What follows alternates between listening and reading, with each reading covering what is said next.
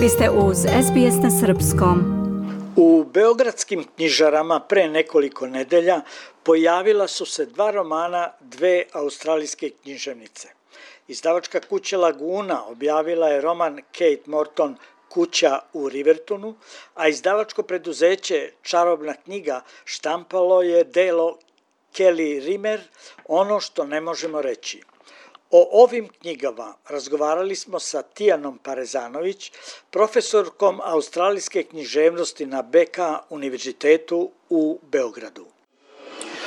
Profesorka, ovih dana objavljena su dva romana dve australijske književnice, Kuća u Rivertonu, Kate Morton i ono što ne možemo reći, Kelly Rimmer. Po vašem mišljenju, zašto su se urednici izdavačke kuće Laguna i čarobne knjige odlučili za dela ovih spisateljica iz Australije? Obe autorke, Kelly Rimmer koja je iz Novog Južnog Velsa, Kate Morton iz Queenslanda, e, veoma su mlade, ali za sada su veoma uspešne i veoma plodne spisateljice. Kelly Rimmer se profesionalno bavi pisanjem, osim toga je i vlasnica knjižare. Za sada je objavila više od deset romana i oni su već doživali na desetine izdanja. Kate Morton je objavila sedam romana, prvi iz 2006. godine, ali u ovih nepunih 20 godina koliko piše postala je jedna od najprevođenijih australijskih književnica. Njene knjige su objavljene u više od 40 zemalja, prodaju se u desetinama miliona primeraka. Za savremene mlade autorke ovi podaci sami po sebi predstavljaju veliki uspeh. Obe su izvrsne pripovedačice i posjeduju umeće prenošenja priče, koja je zapravo odlika najboljih književnika. Verovatno zato i nije čudna njihova popularnost i kod nas izdavači i urednici su prepoznali kvalitete koji će čitalačkoj publici biti prijemčivi. Za prvi roman Kate Morton, Kuća u Rivertonu, svetska štampa je napisala da je jedan od najuspešnijih književnih debija svih vremena. Vaš komentar? Kada je objavljen ovaj roman Kuća u Rivertonu, dospeo je na listu bestsellera New York Timesa, Sunday Timesa, što su referentne liste za ljubitelje knjiga. Proglašen je u Australiji za knjigu godine, a osvojio još nekoliko nagrada za najbolju knjigu na međunarodnom tržištu kao i u Engleskoj i u Americi. Kao što smo već pomenuli, roman je prodat u milionima primeraka i smatram da je ogromna popularnost romana sasvim opravdana. On sadrži kompleksnu priču koja je smeštena u 20. godine 20. veka i odvija se u jednoj aristokratskoj kući unutrašnjosti Engleske. Uticaj događaja iz tog perioda osjećaju se međutim i u sadašnjosti ličnosti koju oblikuju romantični i porodični odnosi, odluke donete iz ljubavi ili iz nerazumevanja i posledice tih odluka. Iako ovo može zvučati previše obično i svakodnevno, možda i banalno, priča nas takođe vodi kroz život jednog imaginarnog umetnika i oslikava odjek njegovog života na savremenu umetnost. To svakako doprinosi literarnoj vrednosti ovog romana. Sa pripovedačke strane, čitalac se sve vreme osjeća kao deo radnje. Iako od početka čitalac zna da će se dogoditi dogoditi nešto strašno, da ne otkrivemo šta. Kate Morton mu ne dozvoljava da do samog kraja sazna šta je to zapravo, a ovaj postupak koji književnica primenjuje je prilično zahtevan, ali i zaslužan za uključivanje čitaoca u priču, koju onda može da prati e, kao da je gotovo jedan od likova. Od sedam romana Kate Morton Laguna je objavila šest. Šta mislite, zašto ovdašnja čitalačka publika očigledno voli njena dela? Vi ste donekle to malo govorili, ali ipak još kažite nešto. Da, eto, iako je, iako je Kuća u Rivertonu bila prvi roman Kate Morton, njeni kasniji romani su zapravo ranije došli do srpskih čitalaca i mislim ja da sam već odgovorila na to pitanje.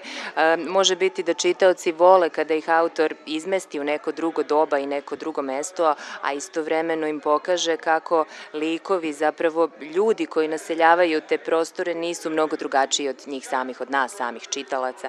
I književnost nas povezuje na više nivoa i na više više načina i u svakom je slučaju lepo znati da se književnost aktivno prevodi, objavljuje i pre svega čita. Druga autorka, Kelly Rimmer, je našim čitaocima manje poznata, iako je do sada objavila 15 romana koji su prevedeni na 12 jezika i prodati, kako ste već rekli, u više od 2 miliona primeraka. U čemu je, po vašem mišljenju, privlačnost njenih dela? Roman, ono što ne možemo reći, rekli ste, već objavila je izdavačka kuća Čarobna knjiga ove godine, ali postoji još jedan roman, Kelly Rimmer, koji je kod nas preveden 2017. i objavljen u izdanju Vulkan izdavaštva. Radi se o knjizi Tako je bilo suđeno. Dakle, Kelly Rimmer je već poznata našim čitaocima, iako ima prostora da se oni još dosta detaljnije upoznaju sa njenim romanima i mislim da će knjiga, ono što ne možemo reći tome, doprineti u velikoj meri.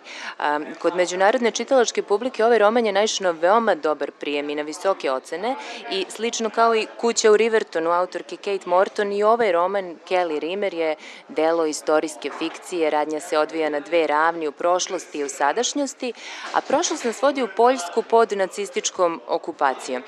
Sama ova tema je i danas za mnoge potresna i u svakom slučaju uopšteno je veoma bitna. Svakako je ta tema i često korišćena u književnosti, pa i u australijskoj književnosti gde se možemo osetiti globalnog uspeha romana Kraljevica knjiga Markusa Zusaka.